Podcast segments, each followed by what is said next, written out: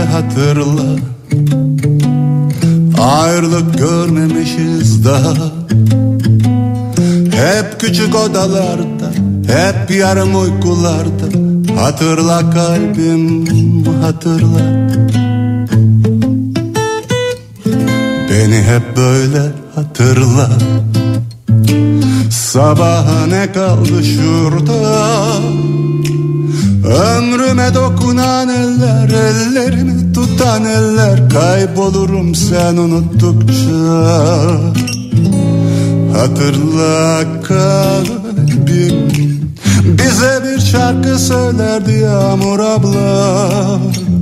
Hatırla kalbim Kilitli sır küpü evler Kim bilir ne incindiler Müzeyyenin sesi nasıl güzel Hatırla kalbim.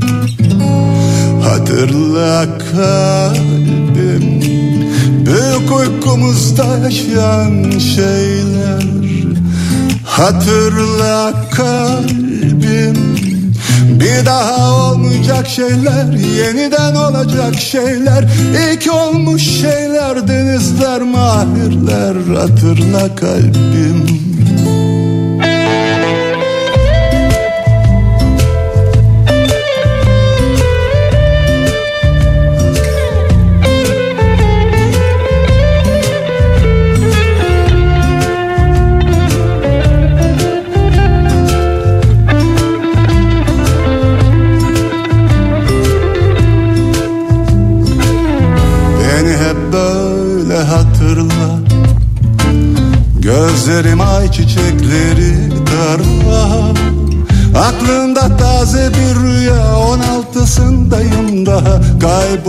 sen unuttukça.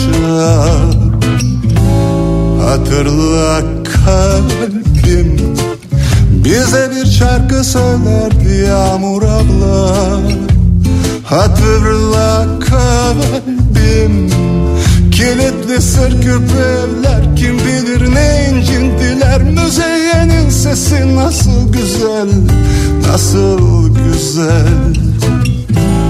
Hatırla kalbim.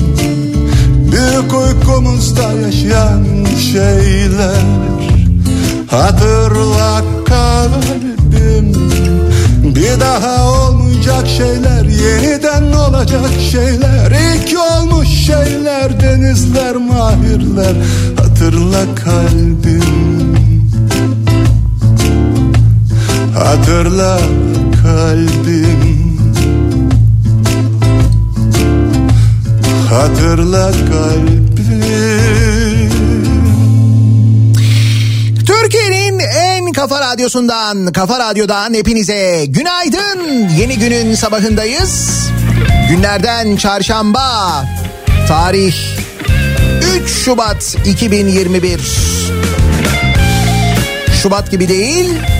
Adeta böyle Mart, Nisan hatta havası yaşarken bir yandan sıcaklık değeri olarak böyle bir durum söz konusuyken Şubat ortasında havanın yeniden soğumasını beklerken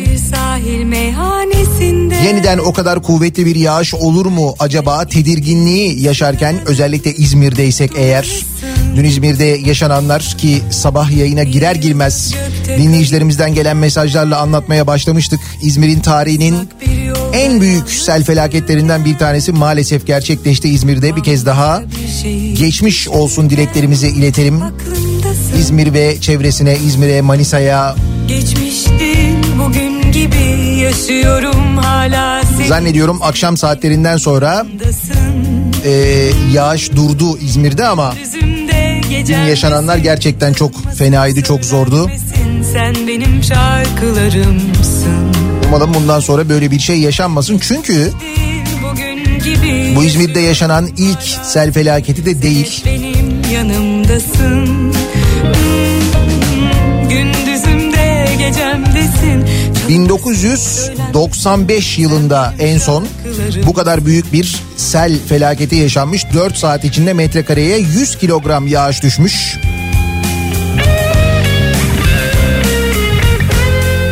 Bilmem hatırlar mısınız 1995 senesi 61 kişi hayatını kaybetmişti. Şimdi dün e, düşen yağış 126 kilogram metrekareye. Yani o 1995 yılından çok daha fazla can kaybının şu ana kadar gelen bilgilere göre 2 olması yani 90'larla kıyasladığınızda rakamın bu kadar düşük olması bir yandan iyi ama yine de demek ki 90'lardan beri hala altyapı ile ilgili bir sorun var ve çözülmemiş. Onun da çözülmesi gerekiyor önümüzdeki günlerde yıllarda umarım öyle olur. Hiç bozulmamış. Neyse bir kez daha geçmiş olsun diyelim İzmir'e. Aklımdasın. Geçmiş değil bugün gibi yaşıyorum hala seni. Sen hep benim yanımdasın. Hmm, gecemdesin. Çalınmasın söylenmesin. Sen benim şarkılarımsın. Geçmiş değil bugün gibi yaşıyorum hala seni sen hep benim yanımdasın Gündüzümde gecemdesin çalınmasın söylenmesin sen benim şarkılarımsın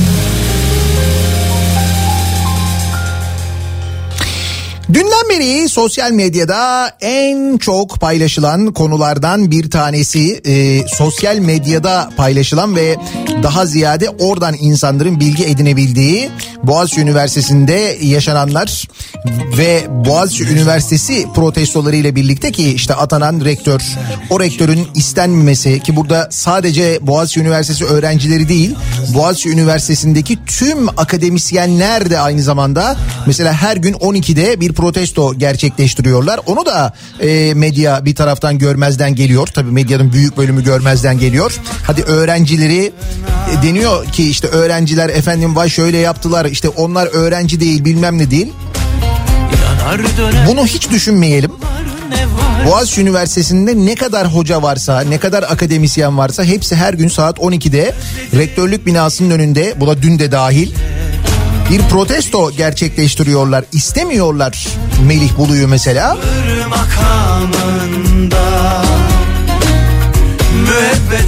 Hani orada şöyle bir şey durumu da yok mesela. Bu hocalar Boğaziçi Üniversitesi'nden değil.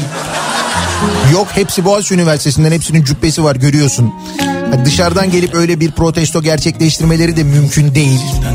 Mesela böyle bir durumda var.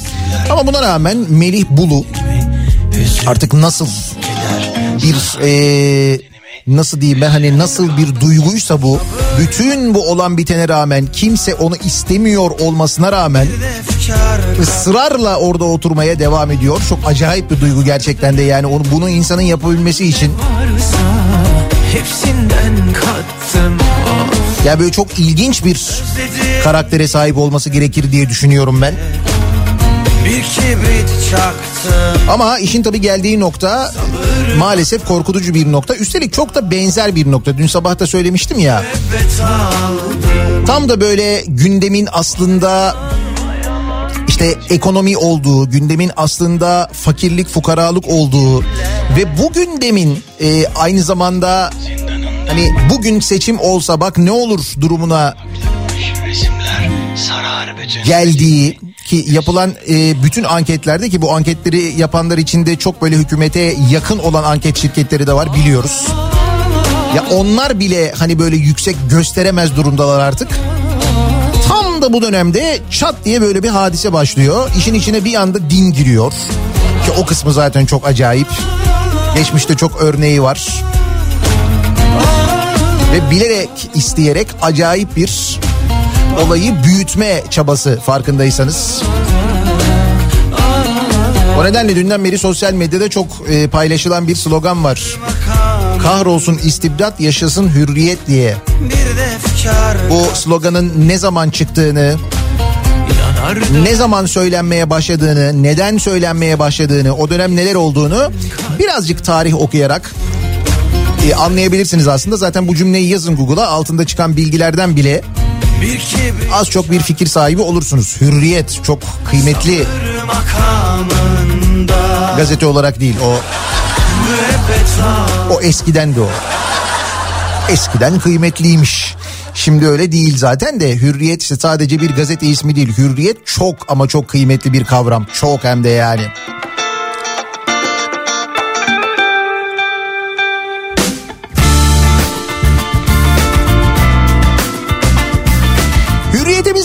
Kısıtlayan bir başka önemli mevzu var ki o da korona malum. Şimdi bakınız onunla ilgili bir iki haber var. Ki bir tanesi e, sömestr tatilinin başlamasının hemen ardından özellikle e, kayak merkezlerinden ve özellikle de Uludağ'dan gelen görüntüler vardı. İşte biz hafta sonu mesela evden çıkamazken, hiçbir organizasyon yapamazken, bir şey yapamazken e, Uludağ'dan gelen o parti görüntüleri hani böyle açık havada yine kayak mayak falan hadi neyse de. Çünkü e, işte başka otellerde de yani Uludağ'da olmayan otellerde de otele gittiğin zaman o otelin imkanlarından faydalanıyorsun. Fakat gece böyle parti yapmak, eğlenmek, tıklım tıklım yerlerde o gerçekten çok acayip bir görüntüydü değil mi? Ha, şimdi oradan gelen bir haber var. Uludağ'daki otelde o özellikle o eğlence görüntüleriyle gündeme gelen otelin 11 çalışanı Covid-19 pozitif çıkmış. Şimdi o otelde eğlenenler. Hadi buyurun bakalım. Otelde çalışan 11 personel pozitif çıkmış.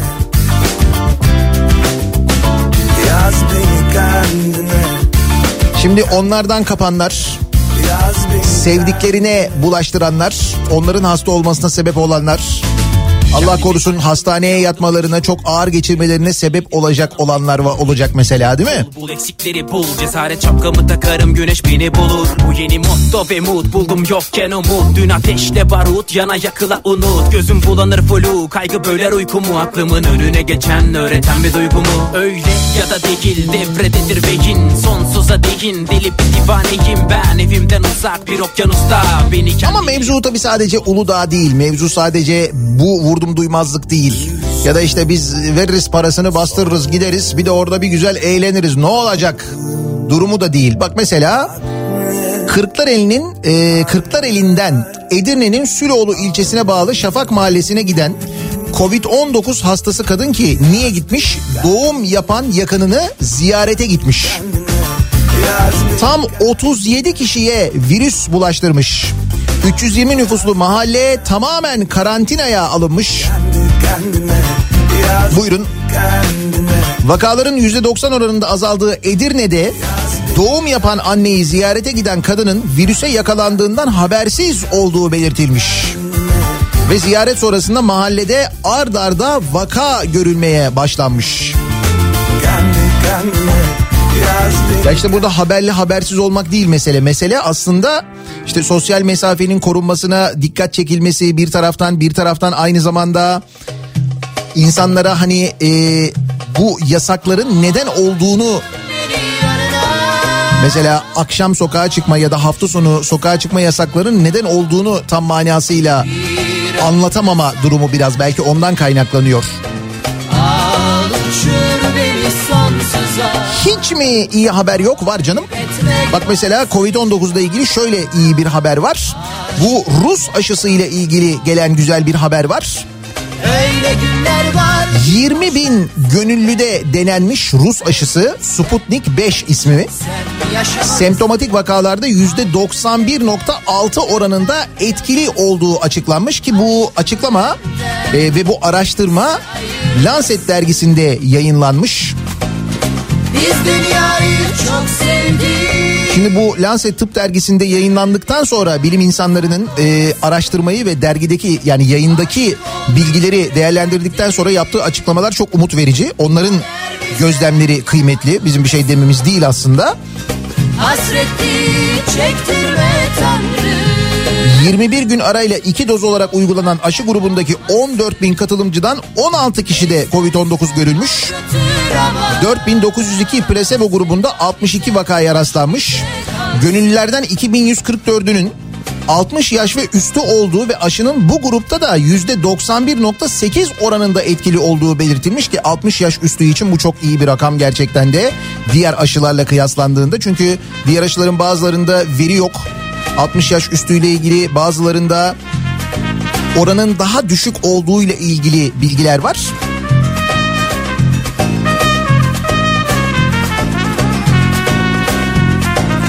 Rusya geçen yıl Ağustos ayında aşıya onay verdiğini duyurduğunda ayrıntılı sonuçlar yayınlamamakla eleştirilmiş aşıya şüpheli yaklaşılmıştı diye hatırlatıyor buradaki haber. Ama şimdi Lancet'te yayınlanan bu bilgiler olumlu. Bu arada Sputnik 5'in Türkiye'de üretileceğiyle ilgili bir bilgi de vardı geçen hafta hatırlarsanız.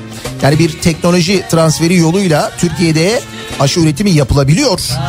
Yapabilen tesisler var. Buradaki tesislerde buradaki bir ilaç firmasıyla bir anlaşma yapılıp Sputnik 5'in Türkiye'de üretilmesi durumu da söz konusu. Eğer bu gerçekleşirse bu, bu, bu veriler bu araştırma sonuçları doğruysa bu da güzel haber. Sen yaşamalısın Ayrılık yeter yazmasın. Aşkımı benden kimse ayırmasın.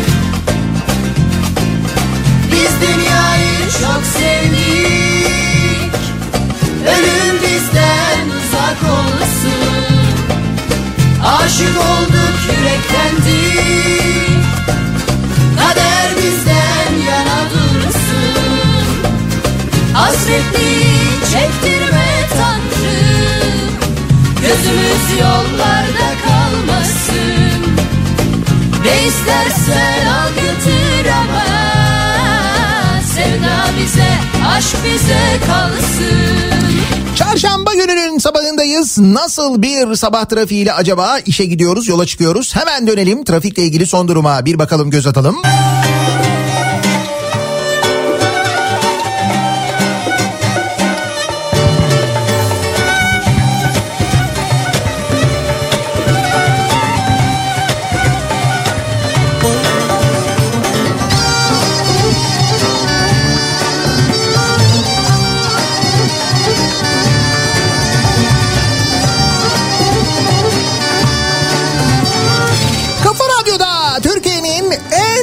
radyosunda devam ediyor.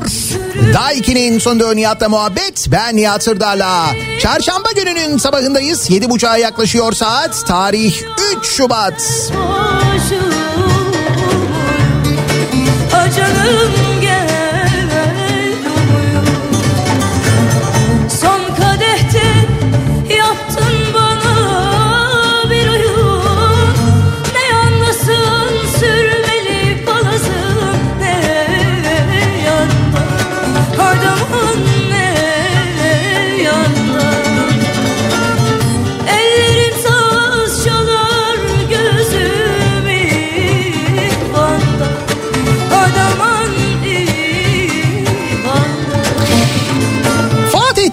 Bir haberle başlayalım. Bir görüntüyle başlayalım. Şöyle bir görüntü var. Ee, bir haber hazırlanmış. Şimdi haberde e, iki tane polis yeleği giymiş. Sivil e, polisin bir dürümcüde olduğunu görüyoruz. E, dürümcüye gidiyorlar, sipariş veriyorlar. Ondan sonra hemen böyle bir dürüm hazırlanıyor. E, polislerden biri dürümü eline alıyor. Kamerada onları takip ediyor. Ondan sonra böyle bir e, kapalı böyle kepenkleri kapalı bir dükkanın önüne gidiyorlar. Sonra e, vuruyorlar e, dükkana şey bu kepenklere vuruyorlar. Diyorlar ki abi sipariş getirdik dürüm istemişsiniz diyorlar. Öyle denilince bir anda böyle kepenk açılmaya başlanıyor. Kepenk yarısına kadar açıldığında kamera ve polisler koşarak içeri dalıyorlar. İçerisi bayağı bildiğin kıraathane. saçım Fatih'te polis restoran kuryesi kılığına girerek kısıtlamaya rağmen okey ve kağıt oynanan dernek lokaline dürüm siparişi getirdik diyerek baskın yaptı. Operasyonun ismi dürüm. Nasıl? Baskında 25 kişiye 78 bin lira para cezası uygulanmış. Bu arada şimdi kamerada onlarla birlikte girdiği için o ilk baskın anındaki görüntüler de var. Ya böyle işte okey oynayanlar, kağıt oynayanlar falan onlar var. Herkes bir anda böyle bir oyunları bırakıyor ama bir tane abi var. Onun bir görüntüsü var. Kağıt oynuyorlar onlar da belli ki. Polis içeriye girdikten sonra o kağıtları masanın üzerine bir atışı var. Ya oradan o duyguyu çok net hissediyorsun biliyor musun? Yani ulan hay ya böyle bir şey var hani başlayacağım koronasına da kısıtlamasına da yasağına da falan değil. Tam o böyle yüz ifadesi ama net. Tırdım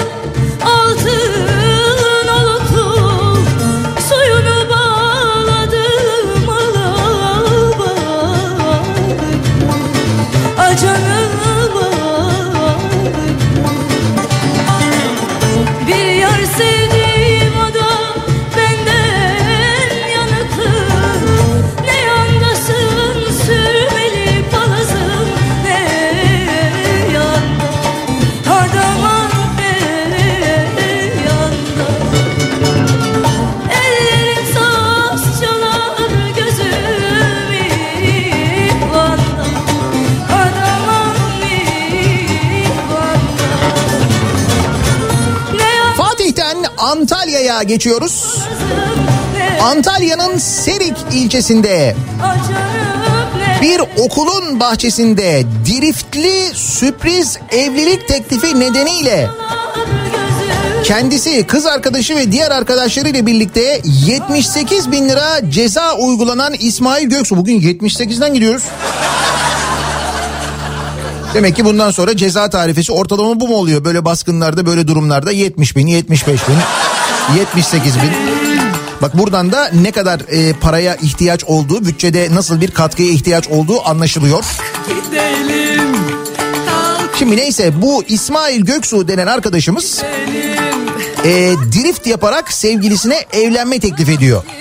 Sonra 78 bin lira ceza yiyorlar arkadaşlarıyla birlikte.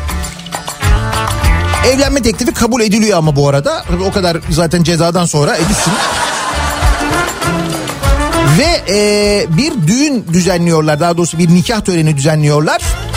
Gelin arabasının arkasına şöyle yazmışlar. Dillere destan aşkımız olsun dedik. Bütün Türkiye'ye duyurduk. Bu şekilde Türkiye'ye duyurulmuş oluyor ya o drift haberiyle.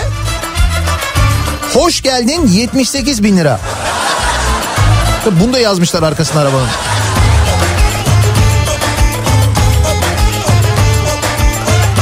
Hepimiz sıyırdık. Öyle böyle değil. Yani psikoloji genel olarak iyi değil biliyorum ama...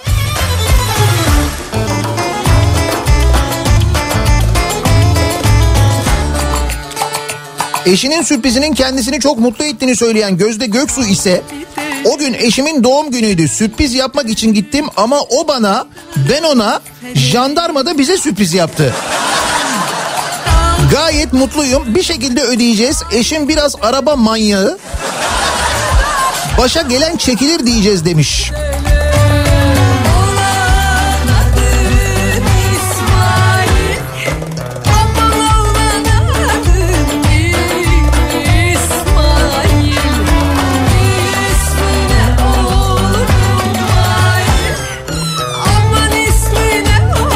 Bir aksiyonlar, bir hareketler. Seviyoruz böyle şeyleri. Bir de böyle hani herkes bir duysun. Herkes bizi bir tanısın duygusu var o ayrı. Zaten o fena. Hayır bizim böyle lüzumlu lüzumsuz şeyleri duyuyor olmamız ama gözümüzün önünde burada İstanbul'un göbeğinde yaşananları göremiyor olmamız, bilmiyor olmamız. İşte geçen gün anlatmıştım ya size medyanın yüzde doksanı iktidar yanlısı hale gelmiş yapılan bir araştırmaya göre diye anlattım ya. Onun bize hediyesi maalesef.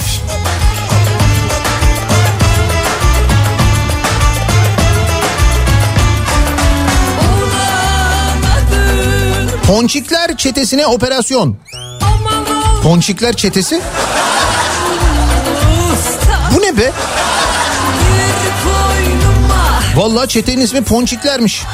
İstanbul'da iş verme vaadiyle kandırdıkları kadınlara şantaj yoluyla fuhuş yaptıran Ponçikler isimli çete için 7 ayrı ilçede 32 farklı adrese operasyon düzenlendi.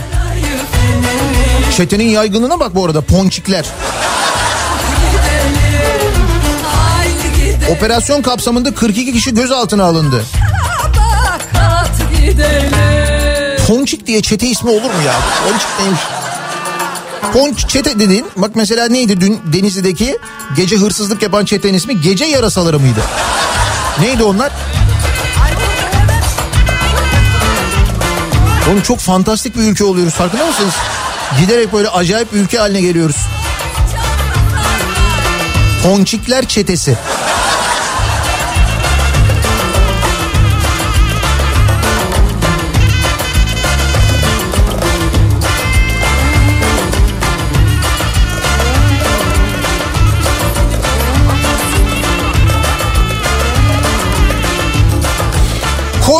Aşıları kaybolmuş sevgili dinleyiciler. Buyurun. Belki de şu anda en kıymetli olan, en böyle e, fazla korunması gereken, üzerine çok böyle hassas davranılması gereken mevzu aşı mevzusu.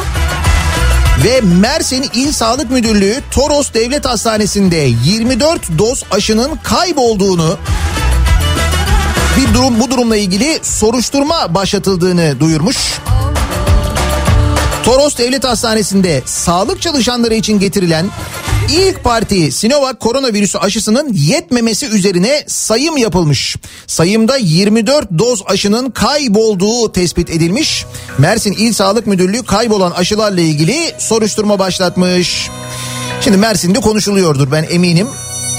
Bu aşı olan 24 kişi kim acaba? Öyle ya sağlık çalışanları daha sağlık çalışanları aşılanmaya başlamadan biz kimlerin kimlerin aşılandığını gördük. Gerekçe olarak da dendi ki efendim işte kamuoyunu aşıya e, teşvik etmek maksatlı falan dendi. Fakat sonra bir başka iddia sonra dendi ki ama işte bu aşı e, aşı olmayabilir placebo olabilir bunlar araştırma için gönüllü olanlar falan dendi. Fakat baktık biz o gönüllü olanların hiçbirinin plasebo aşısı olmadığı anlaşıldı. Sonra denildi ki bu aşı hikayesi araştırma kırıldı. Araştırmanın güvenliğiyle ilgili sıkıntı var demek ki denildi. Şimdi böyle bir ortamda bu sağlık çalışanları için gönderilen aşının başka birilerine verilmesi, başka birilerine yapılması ki bunlar hani bizim duyduklarımız, bize duymadıklarımız gizlenenler var.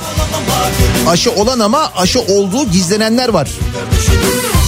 Sen zannediyor musun ki mesela Hani bu kadar yolsuzluğun, bu kadar hırsızlığın olduğu memlekette aşı ile ilgili bir şey olmayacak. Yani gerçekten bu böyle düşünen var mı aramızda hani bu kadar saf olan biri? Yoktur herhalde değil mi şu anda bizi dinleyenler içinde? Biraz düşündüğün zaman bu konuda da mutlaka bir suistimal olacağı hepimizin hakkına geliyordur. İşte böyle oluyor. Ve nasıl ortaya çıkıyor? Aşının eksik olmasıyla ortaya çıkıyor. Kim o Mersin'deki 24 kişi acaba? Yayladan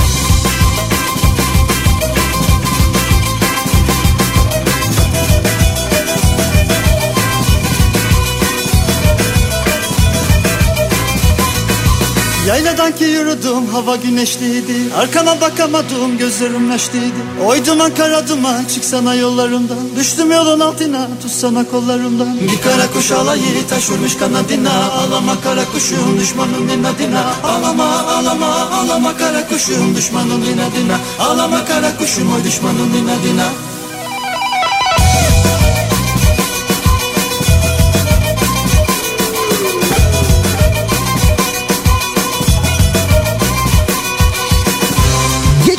konuşmuştuk hani Esenyurt'taki gişelerden bahsediyorduk. Temin Esenyurt gişelerindeki arızadan bahsediyorduk.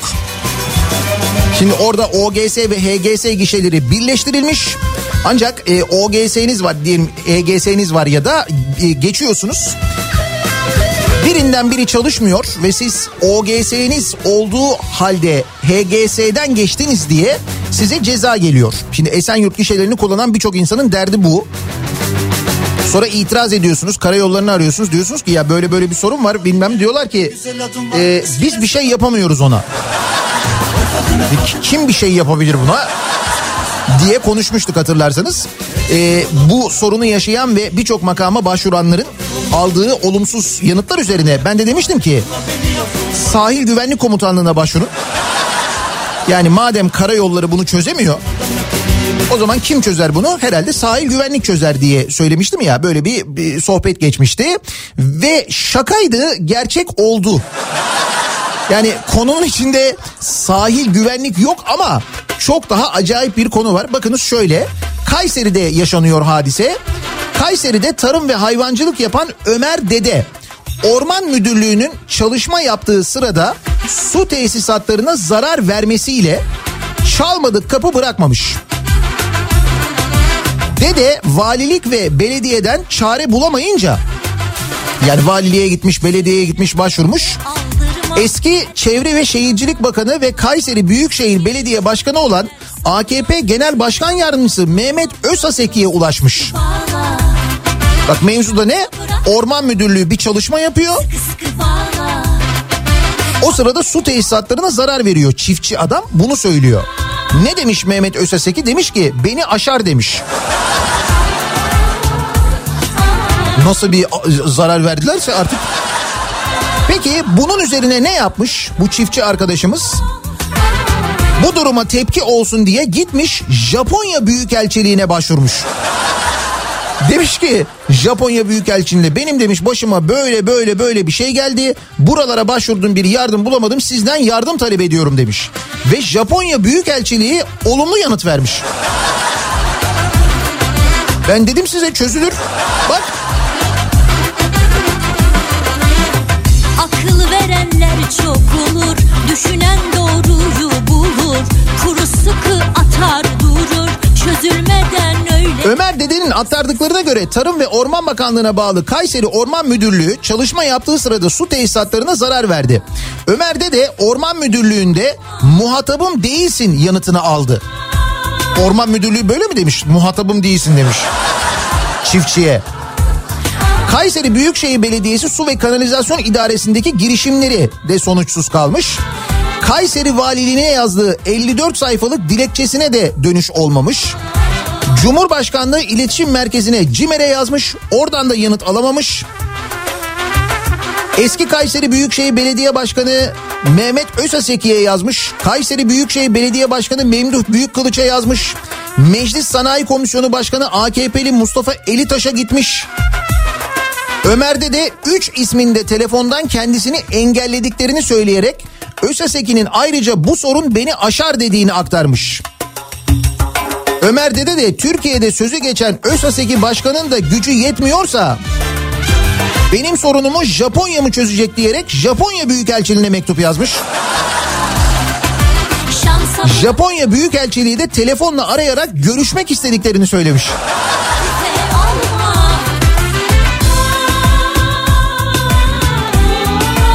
Su sorunu sebebiyle 114 hayvandan 32'sinin kaldığını aktararak binlerce liraya su borusu aldığını, Kaski'nin yapması için para vermeye hazır olduğunu yine de sorunun çözülmediğini söylemiş.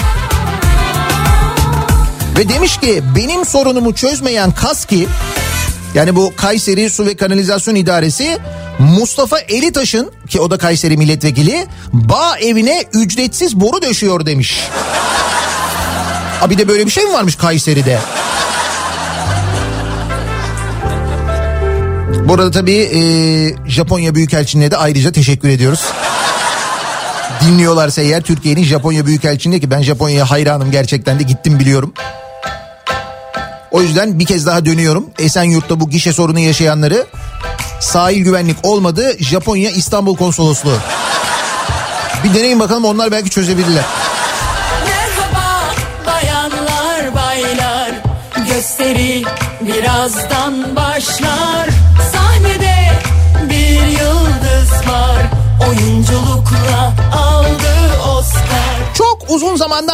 beri TÜİK marketini arayanlar.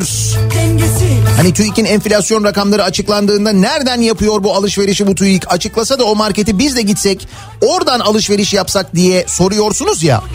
Şimdi bakınız TÜİK fiyat istatistikleri danışma kurulu oluşturmuş. Büyük adım. Evet. Türkiye İstatistik Kurumu fiyat istatistikleri yöntem ve hesaplamalarına ilişkin gelişmelerin görüşülmesi amacıyla yani diğer marketlerden alışveriş yapanları bir araya getirecekler anlaşılan. Ya bu kadar teknik cümlenin açıklaması bu olsa gerek. Fiyat İstatistikleri Danışma Kurulu'nun oluşturulduğunu duyurmuş. FİTK'miş onun da ismi FİTK. TÜİK'in açıklamasında dünyada ve ülkemizde meydana gelen değişimler ve değişen koşulların yeni ihtiyaçları ortaya çıkardığına işaret edilmiş. Yok canım. Öyle bir değişiklik mi varmış Türkiye'de? Bizde bir değişiklik yok.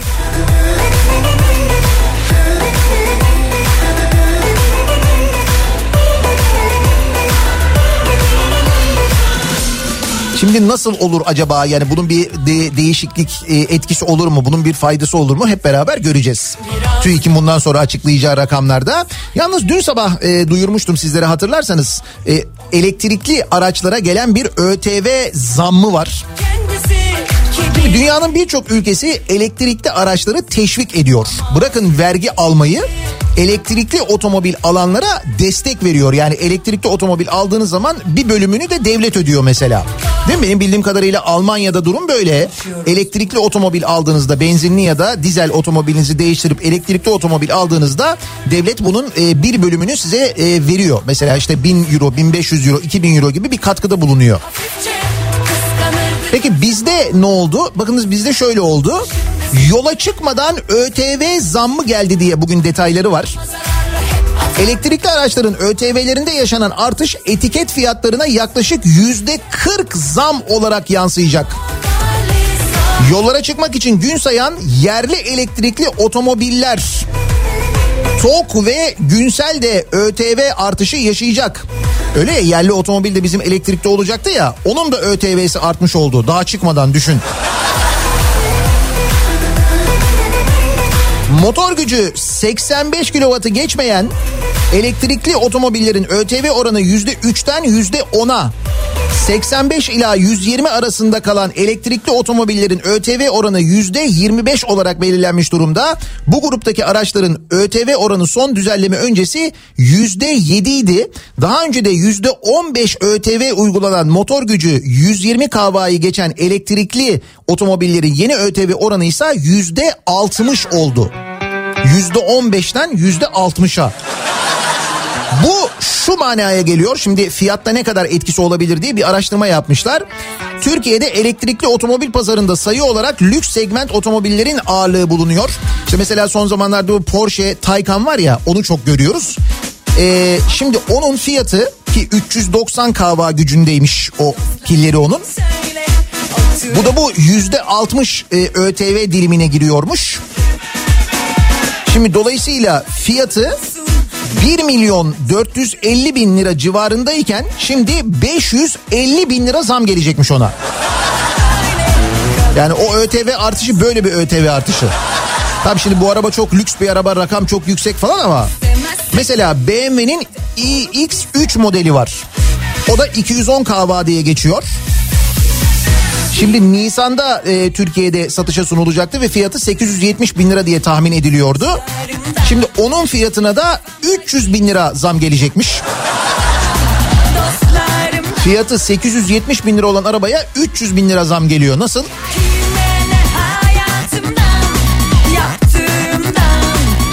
En çok e, gördüğümüz hatta reklamlarını da izlediğimiz Mercedes'in bir elektrikli otomobili var biliyorsunuz satışa sunuldu.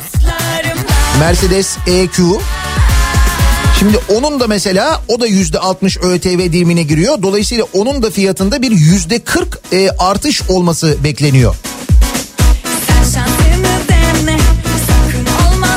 Heh, işte bak bu bilgi önemli. Ee, Türkiye'de elektrikli otomobillerin vergisinde böyle bir artış yaşanırken dünyada tam aksi bir durum var. Özellikle Avrupa'da birçok ülke kentlerdeki hava kirliliğini azaltmak adına sıfır emisyon üreten elektrikli otomobillere çeşitli teşvikler veriyor. Mesela Norveç'te elektrikli araçlara yüzde 25 oranındaki KDV uygulanmıyor. Onun haricinde bir vergi yok zaten. Bu sayede üretim maliyeti daha yüksek olan elektrikli otomobiller ülkedeki içten yanmalı modellerle benzer fiyatlara alıcı bulabiliyor. Almanya'da ise %100 elektrikli otomobil alımlarında 4000 euroluk devlet desteği veriliyor. Ayrıca bu araçlardan 10 yıl boyunca taşıt vergisi alınmıyor. Fransa'da elektrikli araçların fiyatının en çok %27'sine kadar devlet desteği veriliyor. Ülkedeki elektrikli otomobil alıcıları 8500 euroluk teşvikten faydalanabiliyor. Biz de %15'ten %60'a çıkarıyoruz. ÖTV'sini. Niye? Çünkü çevrecinin daniskasıyız değil mi?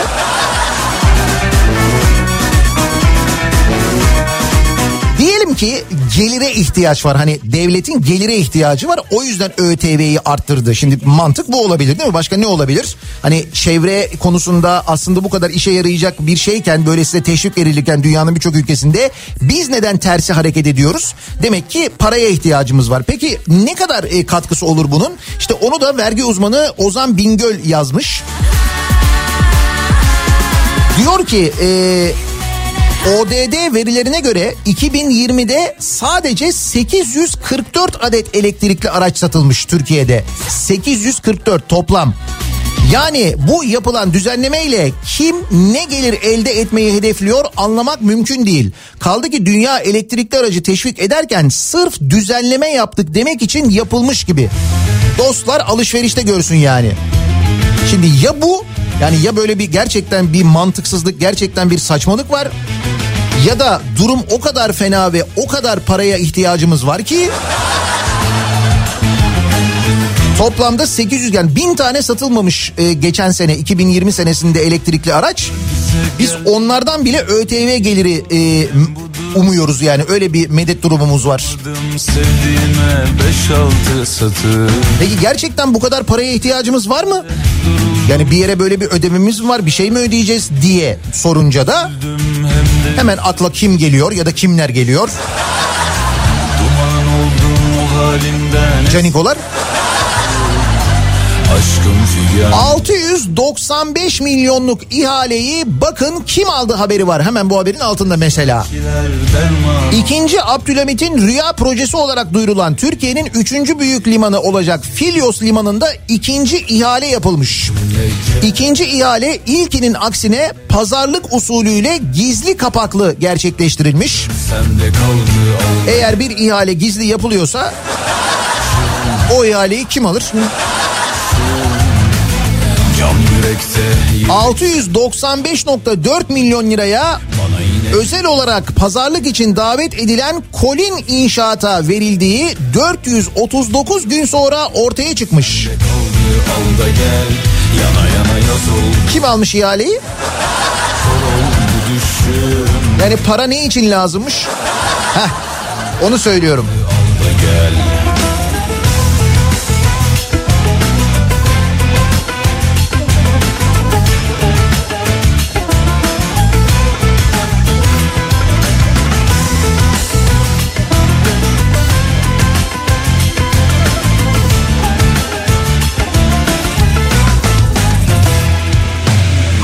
Böyleyken sevgili dinleyiciler işte 695 milyon liralık ihale böyle gizli kapaklı yapılırken orada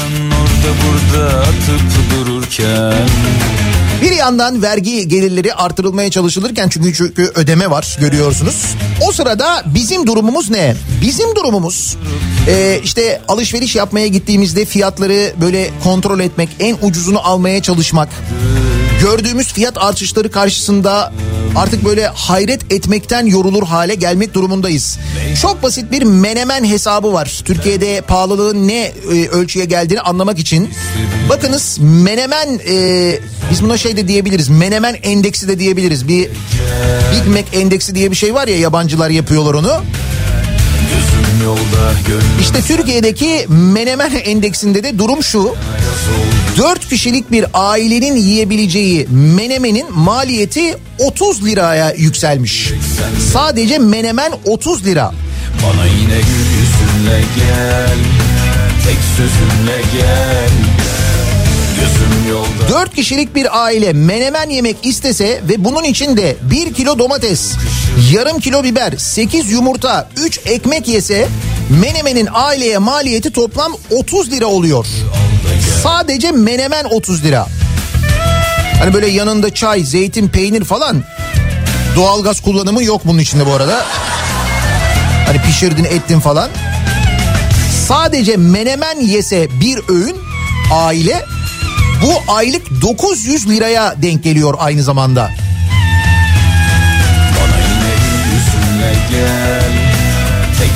Yani fiyatların ne kadar arttığını, temel gıda maddelerindeki fiyatların ne kadar yükseldiğini anlayabilmenin aslına bakarsanız en kolay yollarından bir tanesi. Ama tabii ısrarla ve inatla bu konuları konuşmayalım diye gündem değiştirilmeye çalışılırken ki bu yönde çok büyük bir çaba olduğunu, bu çabanın aynı zamanda ne kadar tehlikeli olduğunu da görüyoruz. Hep beraber işte Boğaziçi Üniversitesi'nde yaşananlar, dün Kadıköy'de yaşananlar bilmiyorum o görüntüleri izlediniz mi?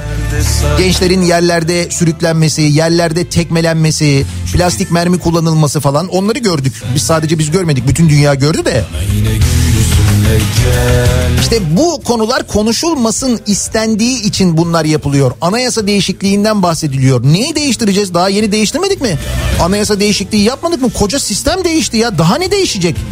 diye soran yok. Şimdi televizyonlarda bakıyorum ben dün akşam Boğaziçi konuşulacağına haldır haldır anayasa değişikliği konuşuluyor. O yayın yaptıkları stüdyoya bir buçuk kilometre mesafede oluyor ya ne oluyorsa. yolda sende kaldı al da gel Ama işte bunlar neden oluyor? Bakın biz hani Türkiye'nin yakın tarihini biraz yakından takip eden insanlar tarihin tekerrür ettiğini, tekrar ettiğini çok net bir şekilde görüyoruz aslında. Ne zaman Türkiye'de geçim sıkıntısı baş gösterse ne zaman Türkiye'de o yapılan anketlerde böyle puanlar e, alınacak işte bugün seçim olsa ne olur sorularına veren yanıtlardaki o anketlerdeki puanlar düşse hemen Türkiye'nin gündemine başka bir şey geliyor. Genelde içinde mutlaka bir din tartışması oluyor. Bu sefer işte Kabe resminden bahsediliyor. E birader Kabe'nin pastasını yaptılar yediler. Üsküdar'da yaptılar görmedin mi? Onlara hiç ses çıkmadı. Sende kaldı al da gel Yana yana O saygısızlık değil miydi yani? Eğer bu saygısızlıksa.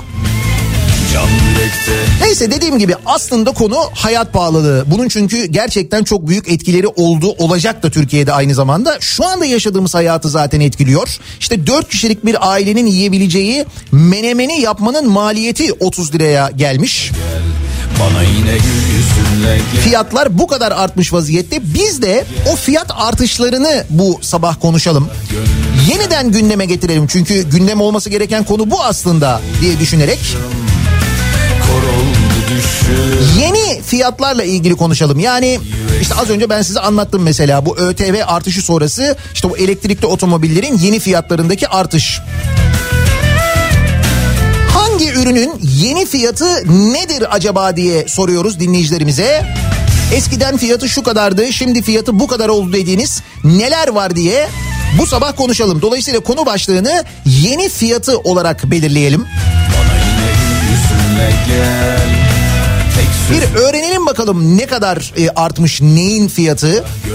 Sosyal medya üzerinden yazıp gönderebilirsiniz mesajlarınızı. Yeni fiyatı başlığıyla mesajlarınızı gönderebilirsiniz. Twitter üzerinden yazabilirsiniz. Arzu ederseniz ki Twitter'da hala yazabiliyoruz. Ki bence yakında yazamayabiliriz onu da söyleyeyim ben. Son gelişmeler ışığında söylüyorum.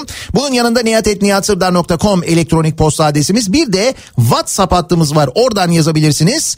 0532 172 52 32 0532 172 kafa e, WhatsApp hattımızın numarası. Buradan da yazabilirsiniz. Fiyat artışları ile ilgili bilgileri yeni fiyatı bu sabahın konusunun başlığı. Reklamlardan sonra yeniden buradayız. Kafa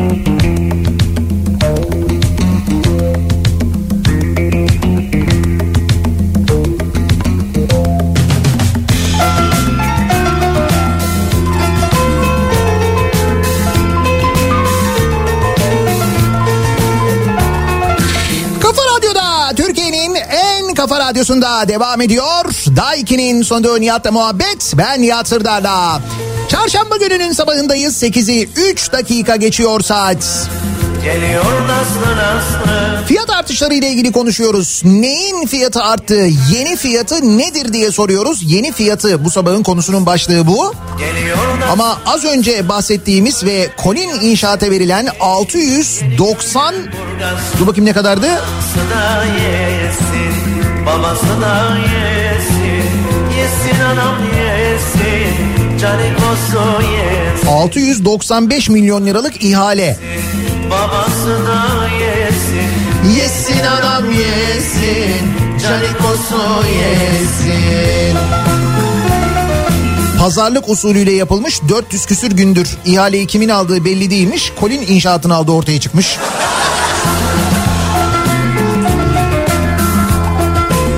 Avrasya Tüneli'nden mi geçiyorsunuz? Sizin için çalıyoruz.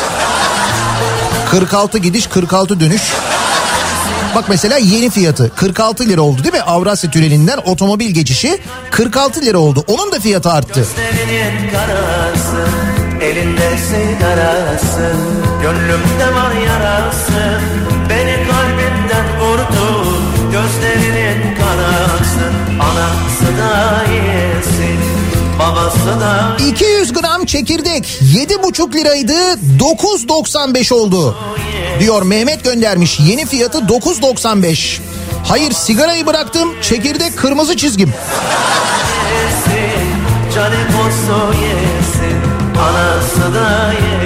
Son bir yılda 20 yumurta 12 lira 50 kuruştan 25 liraya çıktı. Yeni fiyatı 25 lira. O yumurta e, kolisinin fiyatı 25 lira oldu diyor Gülizar göndermiş.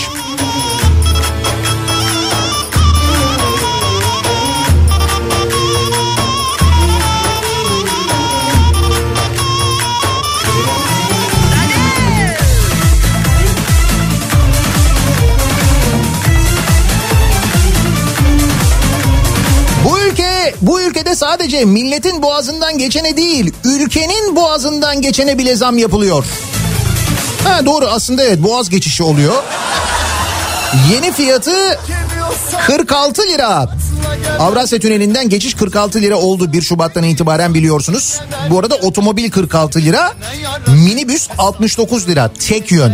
Yedin etlerini hasretliğin yeter Çekemiyorsan beni çatla geber geber. Eskihisar Topçular arabalı vapur tek yön geçiş yeni fiyatı 95 lira. Eski fiyat 65 liraydı diyor Kaan. yeter Köprüden geçersen 150 lira yalnız. Ben dün Bursa'ya gittim geldim de oradan biliyorum. Ay benim e, sıkıntım vakit. Yani sabah gidip akşam dönmek durumundaydım yayın yüzünden. Tabii haliyle olsun şöyle düşündüm geçerken. Dedim ki garanti biraz daha az ödenecek. Sizin için sevgili dinleyiciler. Yoksa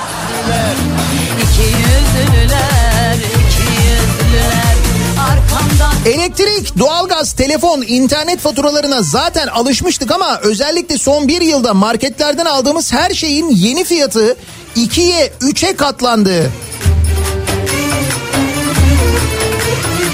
İki gözümün çiçeği Osman Gazi Köprüsü'nün minibüs geçişi. Yeni fiyatı 236 lira. Daha evvelki geçiş ücreti 191 liraydı 45 lira zam var. Az önce geçmiş Ayhan. Vay be ben de dün 150 liraya geçince böyle bir şey olmuştum biraz. 236 lira daha sağlanmış. Çatla geber geber Çekemiyorsan beni çatla geber geber Seni be fena yaratık Fesatlığın yeter Yedin etlerini Hasretliğin yeter çekemiyorsan beni Tam 10 gün önce diyor dinleyicimiz. 10 gün önce Şam ağacından yapılma 30 adet paspas sapı. Bak paspas sapı. Çam ağacından yapılma 85 liraymış 10 gün önce. Dün gittim yeni fiyatı 90 lira diyor dinleyicimiz. Abi neden bu kadar zamlandı dediğimde toptancı Ağar abi bir ekonomist edasıyla yeğenim bunun borsası var bu da bir anda yükselir dedi. Paspas sapının borsası varmış bak. Ne diyorsun? iki yüzlüler İki yüzlüler iki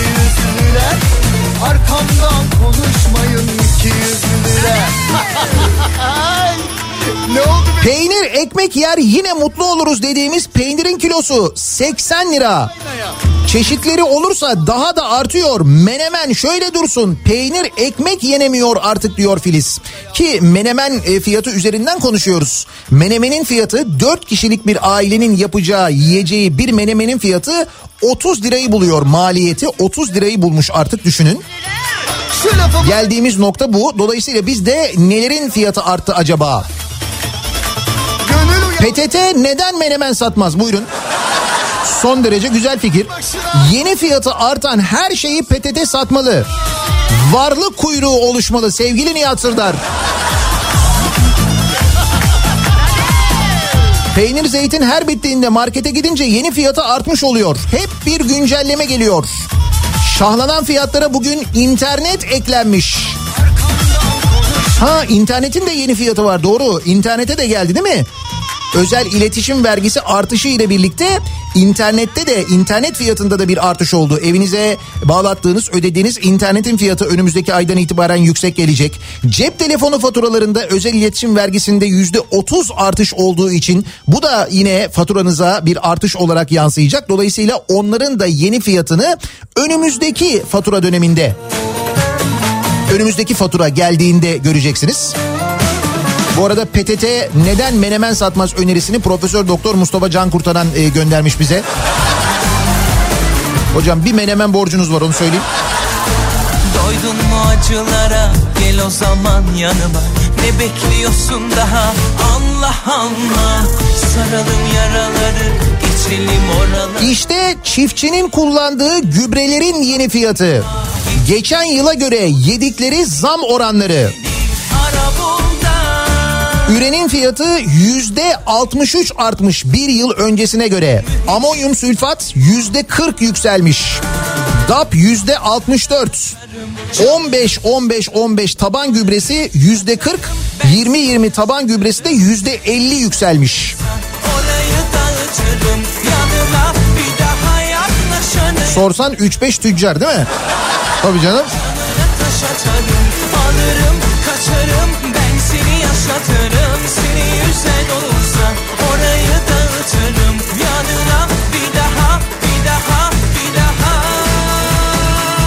Yaklaşanı yakarım.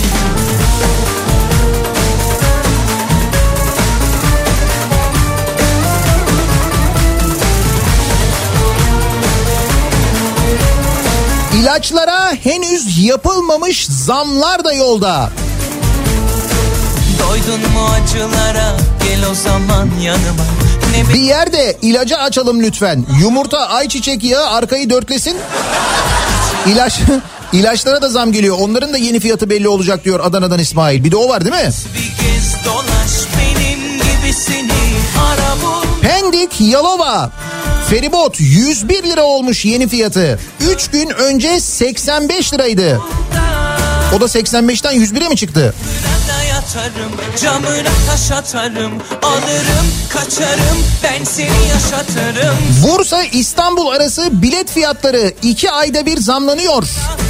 Kasım ayında 60 lirayken şu anda yeni fiyatı 70 lira oldu. Bursa İstanbul Anadolu yakası 70 liraymış otobüs bileti. Orayı dağıtırım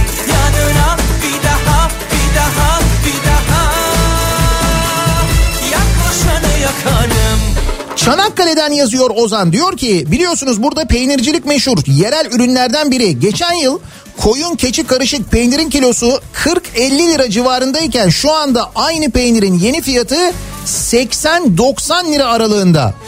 Çanakkale'de bu bu arada. Ben peynirci falan değilim. Sadece iyi bir peynir tüketicisiyim ama sürekli takip ettiğim bir ürün olduğu için bu artış dikkatimi çekti. Ama bunu etrafımda sanki bir tek ben farkındaymışım gibi kimse konuşmuyor. Ekonominin halini basında medyada en temel ürün olan peynirin bile 50'den 90'a çıkması bir tek bana mı dokunuyor? Bu memlekette anlamıyorum. İşte en başta söylediğim şey bu ya. Bunu konuşmayın diye, bunu konuşmayalım diye biz bu gündem maddeleriyle uğraşıyoruz ve medyanın yüzde doksanı Türkiye'de iktidara yakın olduğu için bu konular gündeme getiriliyor. Boğaziçi gündeme getiriliyor. İşte anayasa değişikliği atıldı şimdi ortaya. Bakın günlerce haftalarca bu konuşulacak. Kimse demeyecek ki ya birader biz daha yeni değiştirmedik mi? Daha neyi değiştireceğiz? Koca sistemi değiştirdik zaten demeyecek kimse mesela. Sırf bu hayat pahalılığı konuşulmasın, sırf zamlar konuşulmasın diye toplumun üstelik en hassas olduğu konular kaşınarak ve maalesef işte o görüntüler dün Kadıköy'deki görüntüler mesela e, gündeme gelecek. Onları daha doğrusu Kadıköy'deki görüntüleri de öyle her yerde izleyemeyeceğiz. Ancak sosyal medyada falan göreceğiz. Öğrencilere yapılan muameleyi, nasıl yerlerde sürüklendiğini, tekmelendiklerini, e, işte plastik mermi kullanıldığını, Dün bunlar oldu İstanbul'da Kadıköy'de haberiniz var mı? kolay çilesi? Ama mevzu bu aslında işte bakın yeni fiyatı diyorum ya bakın fiyatı artmayan şey yok neredeyse.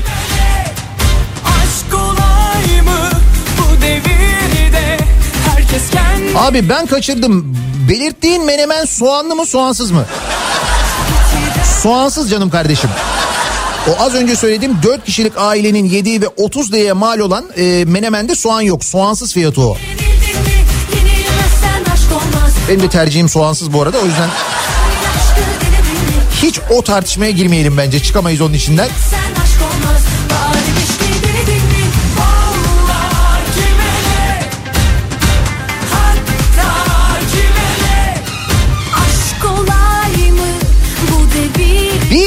2020'den önce 150 gram 150 gram mini 1 liraya aldığım Crinkle marka Bim'de şimdi 200 gramı 1,5 lira.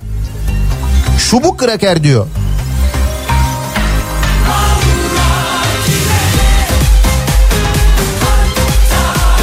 Çocuk için aldığım 200 mililitre küçük süt evvelsi gün 1.95 liraydı. Dün aldım 2 lira 45 kuruş yeni fiyatı.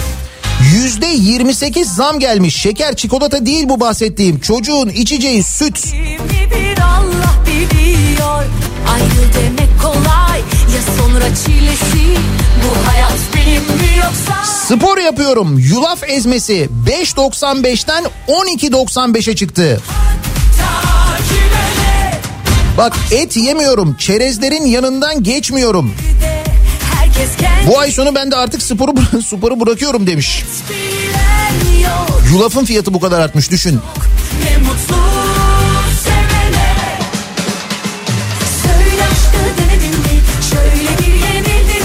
Dün 3 arkadaş canımız İzmir kumru çekti. Gittik malzemelerini aldık. Kendimiz yapalım diye dışarıdaki kumrucudan pahalıya geldi.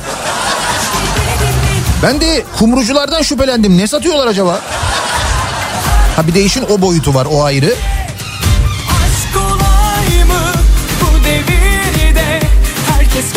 Kış mevsimindeyiz. Kış meyvelerinin kilosu normalde 2,5-3 lira olması gerekirken bu sene 6,5-7 liradan ucuz meyve sebze yok.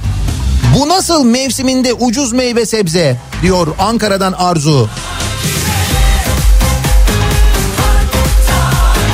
Çanakkale feribotunun fiyatı 75 lira yeni fiyatı. 65 61 liradan 75 liraya çıkmış. Çanakkale feribot geçiş ücreti de zamlanmış. Yeni fiyatı 75 lira olmuş. Köprü yapıldığında ne kadara geçecektik biz tek yön? 15 euro artı KDV'ye geçecektik değil mi? Çanakkale Köprüsü yapılınca. Ve günde 45 bin araç geçiş garantisi verdik Çanakkale Köprüsü'ne onu biliyor musunuz? 45 bin. Şimdi Çanakkale'li arkadaşlarım var, dostlarım var onlarla konuşuyorum. Üstelik bu gemi işi yapıyorlar, feribot işi yapıyorlar. Diyorlar ki o 9 günlük bayram tatillerinde hani böyle uzun kuyruklar acayip bir yoğunluk oluyor ya Çanakkale'de geçişlerde. İşte o zamanlar diyor iki yaka arasında geçen araç sayısı 30 bin oluyor diyor o zamanlarda. Yani dolayısıyla normal bir günde bırak diyor 45 bini. Yani 10 bin araç geçerse bile diyor büyük e, iş olur diyor. Arada kalıyor 35 bin. Çarpı 15 euro artı KDV biz her gün garanti ücret yazacağız. Ballı kaymaklı Ballı kaymaklı.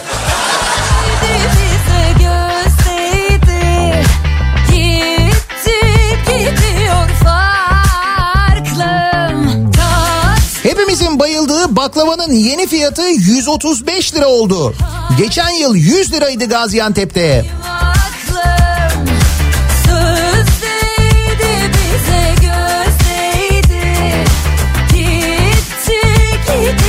Ankara Adana otobanı. Hani bu yeni açılan otoban. Ankara'dan Adana 142 lira 50 kuruş. Ankara Adana uçuşu ne kadar? Uçak bileti de hemen hemen. İşte geçen mesela İzmir otoyolu ile ilgili öyle bir uçak bileti hesabı yapmıştık ya. Eli güne uyup da postayı koyup da közü harlatma sakın Aklına fikrine ağzına gel Şimdi bizde e, elektrikli otomobillerin ÖTV'si artırıldı ya yüzde 15'ten yüzde 60'a çıkarıldı ya. Almanya'dan bir dinleyicimiz yazıyor. Diyor ki Almanya'da 10 bin euroya elektrikli e, 10 bin euro elektrikli arabalara katkı yapılıyor. Yani sen mesela bir elektrikli otomobil alıyorsun. Diyelim ki otomobilin fiyatı 50 bin euro. Orada öyle. TL'ye çevirme birim gibi düşün 50 bin birim gibi düşün. Yani bizde mesela hani 1 milyon 200 bin birim ya. Orada öyle değil. Neyse de ki 50 bin birim diyor ki e, 6 bin eurosunu diyor e, bu 50 bin birimin 6 binini devlet karşılıyor. 3900'ünü de araba şirketi karşılıyor. Yani toplamda 10 bin e, birime yani 10 bin euroya yakın bir devlet teşviği var. Bırak böyle e, ÖTV almayı.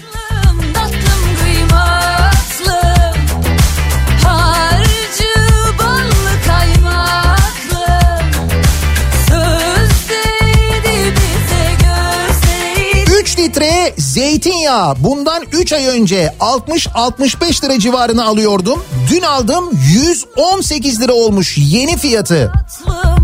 Hayır bırak bir de Çanakkale'de ufak da olsa zeytinlerim var.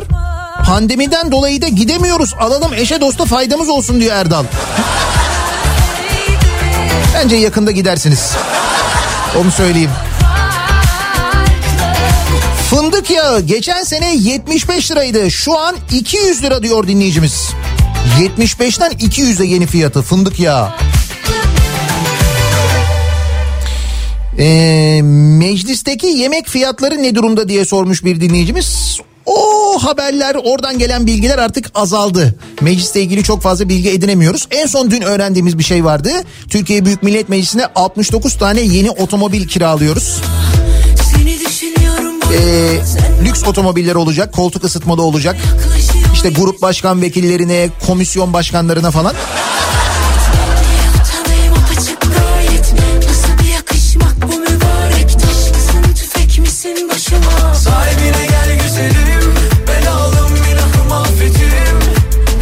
Sıvı sabunu da unutmayalım.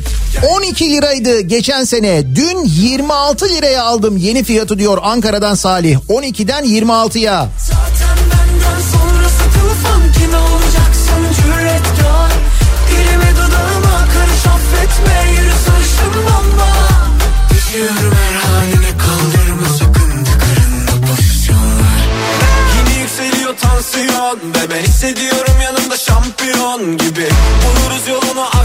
ha, Duygularım dolar gibi artıyor Yapma bakışların çağırıyor deli gibi aşka Uzanıp yanı başında başlasan aksa Menemene iki dilim kaşar peyniri atsak maliyet artar mı?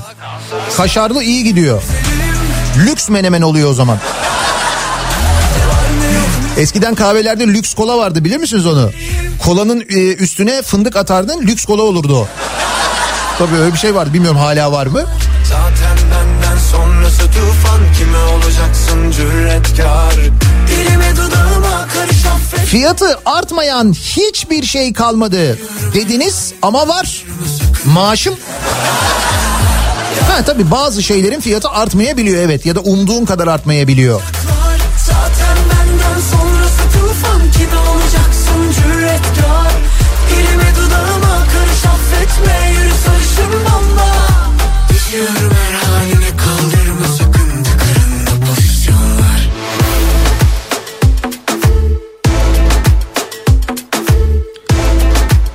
Tanesi 3 kuruş olan ıslak mendilin tanesi 4,5 kuruş olmuş. Yeni fiyatı 4,5 kuruş diyor mesela bir dinleyicimiz.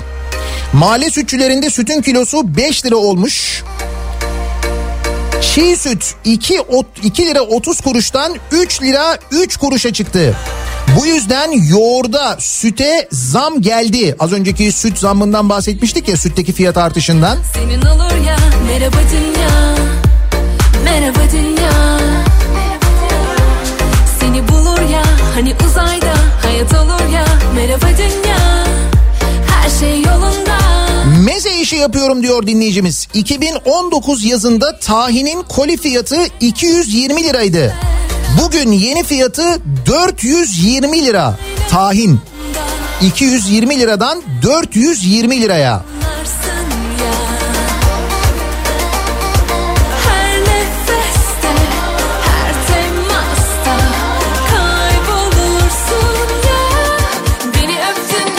İki ay önce 51 lira olan kumaşın yeni fiyatı 61 lira. Yurt dışına ihracat yapıyoruz. Dolar düştü, zarar ediyoruz. Bu şekilde giderse batarız. Biz sıradan bir firmayız, bu durumdayız. Büyük tekstil ihracatçılarını düşünemiyorum bile. Hani sonunda bu kez olur ya Seni son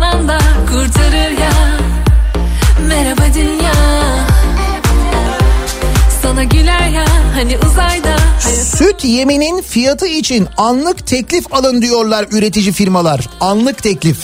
Sürekli güncelleniyor yukarı yönlü. Şu anda süt yeminin çuvalı 140 lira bandında. Mesela yarın almak istediğinde arıyorsun teklif alıyorsun. Öyle bir günün fiyatı ertesi günün fiyatıyla aynı olmuyor. Sürekli yukarıya doğru güncelleniyormuş. Süt yeminin fiyatı. Siz de anlayın önümüzdeki günlerde sütün ve süt ürünlerinin fiyatının ne olacağını buradan.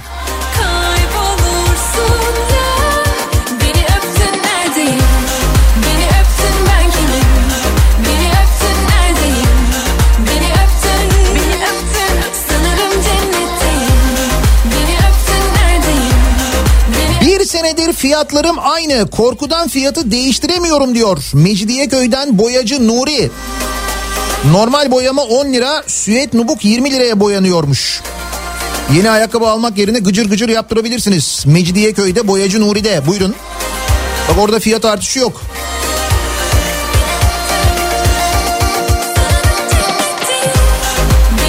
İşte bakın bu konuştuğumuz fiyatlar konuşulmasın diye zaten biz böyle insanın gerçekten içini acıtan gündem maddeleriyle meşgul tutuluyoruz. Yeni fiyatlarla ilgili konuşuyoruz. Nelerin fiyatı arttı acaba diye soruyoruz dinleyicilerimize. Yeni fiyatı nedir? Yeni fiyatı bu sabahın konusunun başlığı. Reklamlardan sonra yeniden buradayız. Kafa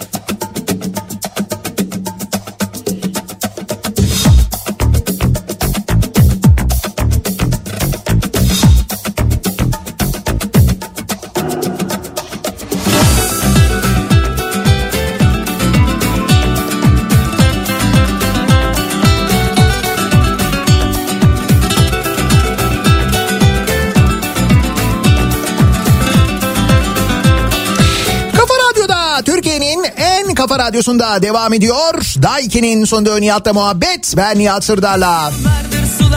Çarşamba gününün sabahındayız. Sekiz buçuğu geçti saat. Konuşulmasın istenen hayat pahalılığı, fiyat artışları. Ama işte hayatın içinde en çok bu var. Alışverişe, pazara gittiğimizde, markete gittiğimizde, çarşıya gittiğimizde hep karşımıza çıkıyor.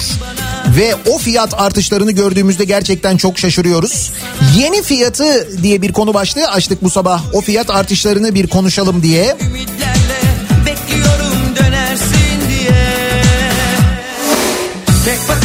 yaktın 4 lira 95 kuruşa aldığımız 1 litre sütün yeni fiyatı 7.45. Ama bize yeni anayasa lazım öyle mi? Öyleymiş.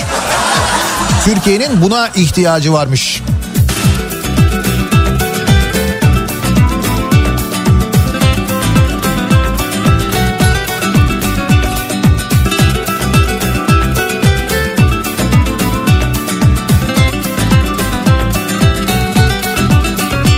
Pandeminin başlarında satışı yasaklanmadan önce e, hemen önce bir kutu telli kullanat maskenin 50'li kutu fiyatı 100 liraydı. Yeni fiyatı şimdi 20 lira. Acaba ayçiçek yağının satışını da önce yasaklayıp sonra serbest bıraksalar... Yok bu onun gibi değil. Bu öyle olmaz da. O bir dönem işte o fiyat artışlarının sebebinin ve o maske işinin nasıl yönetilmediğinin en yakın şahitleriyiz. Gördük neler olduğunu.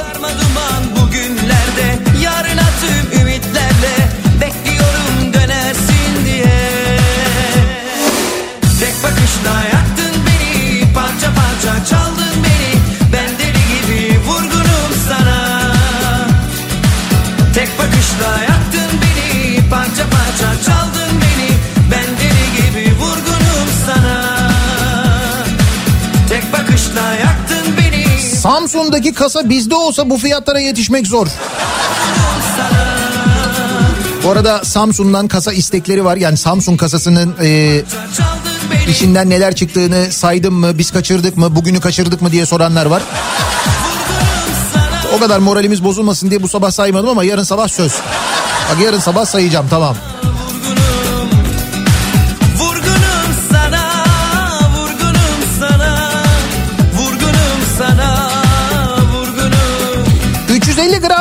Maması 51 liraydı. Yeni fiyatı 60 lira olmuş. Bebek gaz damlası 70 liraydı. 99 lira olmuş diyor Fahri yeni fiyatı.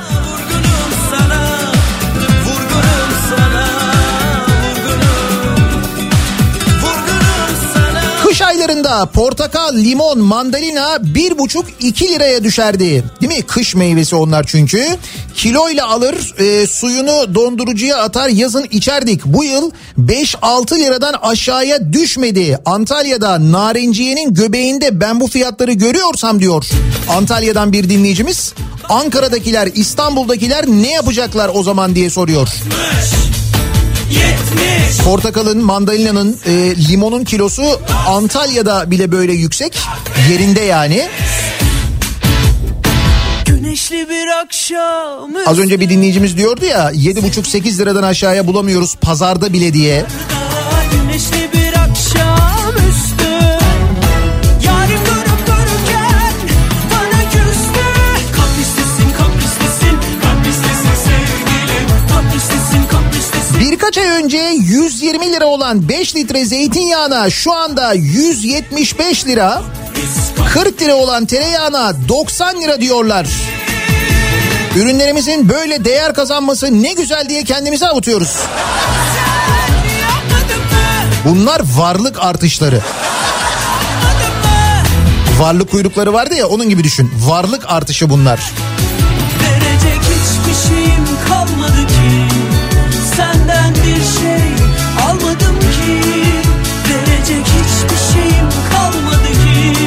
gram Nescafe A101'de 9.90'dı 1-2 ay önce. Şimdi 12.45. Bütün kuşlar ötüşüyor Mahalledeki markette de 16.45 olmuş fiyatı. vardı Yarim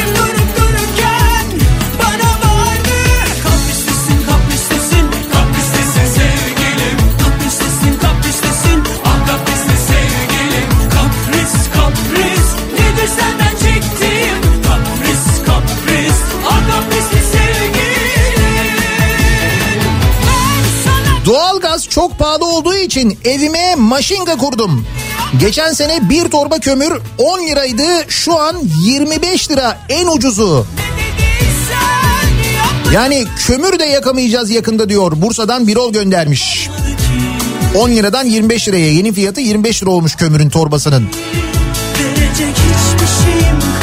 Yeni anayasa yapılacaksa yeni anayasaya IBAN konulsun diye bir öneri gelmiş. Tabii canım mutlaka bir IBAN maddesi olur. Ben sana söyleyeyim. Hükümet e, önemli gördüğü zamanlarda IBAN numarasını verir. Hatta IBAN anayasada olursa bir daha değiştirmek zorunda da kalmayız.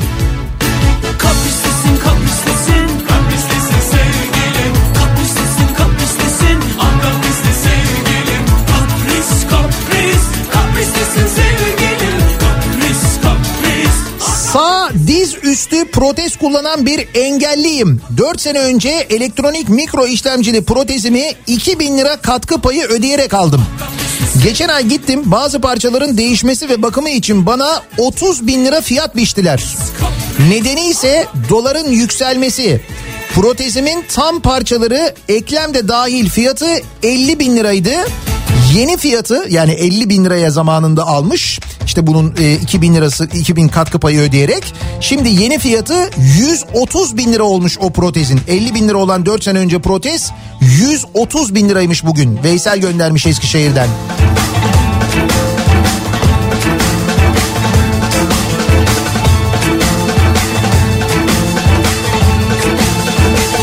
Onun aşkı bana extra bana extra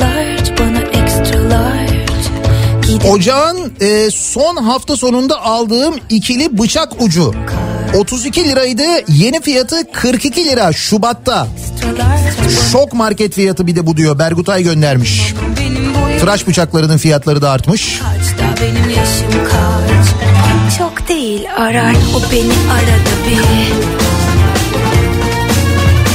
O benim hayatımın tuzu biberi. Özledim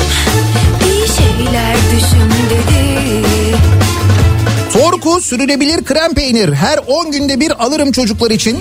12 liraya aldığım peynirin yeni fiyatı 17 lira olmuş diyor. Söke'den Güzin göndermiş. 12 liradan 17 liraya. Neredeyse %50'ye yakın bir artış. Onun aşkı bana extra large Onun aşkı bana extra large Onu çok sevmek söylemeye yarar Uluslararası tır şoförüyüm. İngiltere çalışıyorum. Şöyle söyleyeyim. 500 gram peynir 1.30 pound. Şey Yani 1.30 birim gibi düşünün siz bunu. Kilosu 2.60. Bunu TL'ye çevirdiğimiz zaman bile 26 lira yapıyor. Ki İngiltere bu arada Avrupa'nın en pahalı ülkesidir diyor. Yani TL'ye çevirmek çok mantıklı değil. Oranın parasıyla, oranın mantığıyla düşünmek lazım aslında.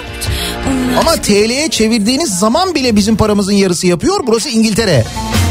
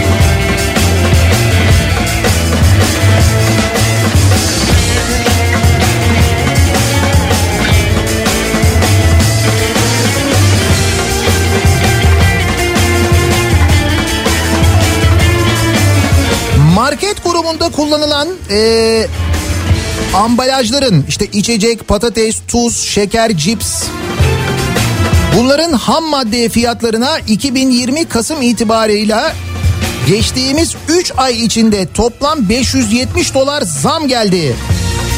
Yani ambalajın ham maddesine gelen zam yüzünden bütün sektör bu fiyatlardan etkilenmiş vaziyette. Yani ambalajlı olan gıdalar ve içeceklerdeki zammın bir bölümünün e, ambalaj e, ambalajın maliyetine gelen zamdan kaynaklandığı anlaşılıyor. Bu yönde mesajlar geliyor dinleyicilerimizden.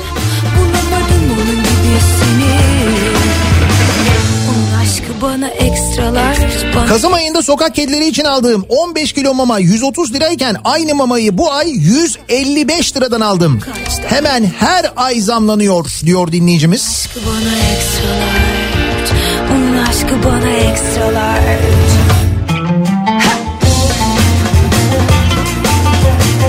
Geçen yıl 85 liraya aldığımız pamuk küspesi bugün 146 lira oldu. Hayvancılık yapan bu çiftçiler size ne yaptı ve onlara böyle yapıyorsunuz diyor. Antalya'dan genç çiftçi bir dinleyicimiz göndermiş. Söyledim sana bir şey olmaz dedi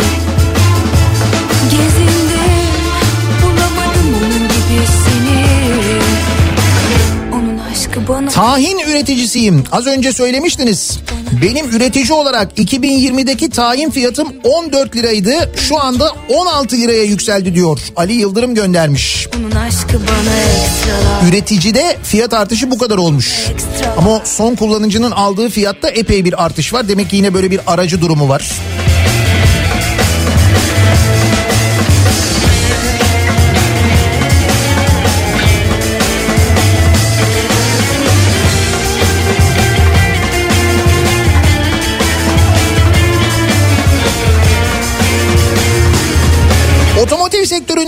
Kalıp imalatçısıyım. 2015 yılında kalıphaneyi açtığımda döküm alüminyumun kilosu 6 liraydı. 2020'de 30 lira şu anda 40 lira oldu. Bilin bakalım bunlar otomobillerin fiyatına yansıyacak mı? Acaba oradaki fiyatlar da aynı zamanda artacak mı? Ki tabii ki artacak, acayip yükselecek. Oraya da yansıyacak. Butik çikolata işi yapıyorum. 2 sene önce kilogramı 29 lira artı KDV'ye aldığım çikolatanın kilosu şu anda 52,5 lira artı KDV. Onun aşkı bana ekstralar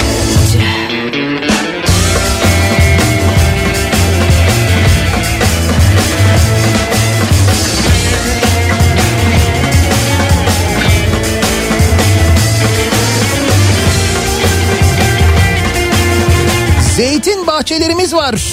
Kendi ürettiğimiz zeytini 20 liraya satamıyoruz.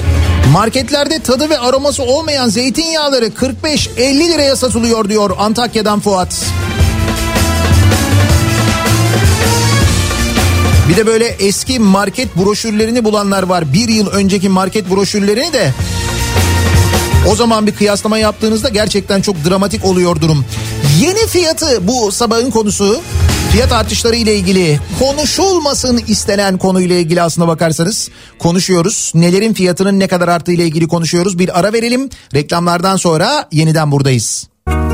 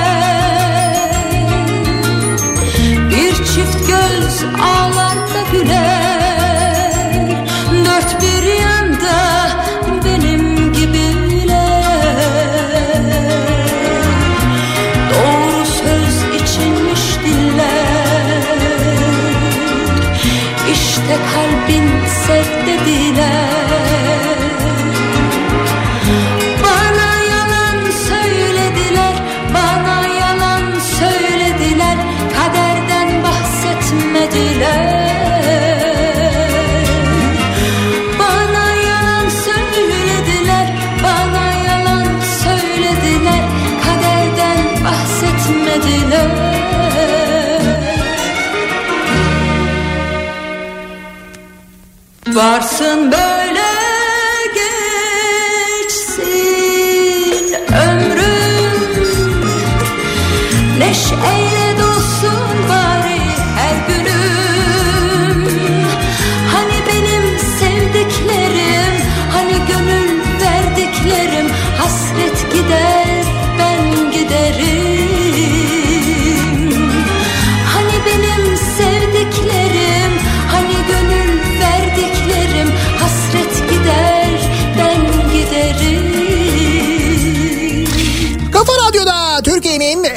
kafa radyosunda devam ediyor. Daha 2'nin sunduğu Nihat'la muhabbet. Ben Nihat Sırdar'la. Çarşamba gününün sabahındayız. 9'a yaklaşıyor saat. Yeni fiyatı bu sabahın konusunun başlığıydı. Dinleyicilerimize sorduk. Fiyat artışları ile ilgili konuşuyoruz. Aslında Türkiye'de herkesin konuştuğu, bizzat içinde yaşadığı fiili bir durum. Ama bu konu konuşulmasın diye ısrarla değiştirilen bir gündem var. Geçmişte çokça yaşadığımız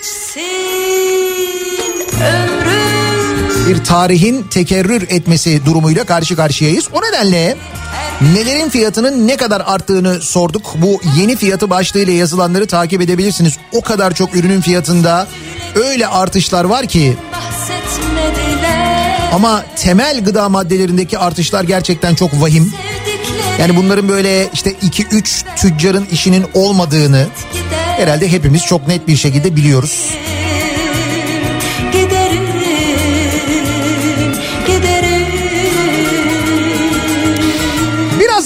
Kripto Odası başlayacak. Güçlü Mete Türkiye'nin ve dünyanın gündemini son gelişmeleri sizlere aktaracak. Bu akşam 18 haberlerinden sonra ben yeniden bu mikrofondayım. Tekrar görüşünceye dek hoşçakalın.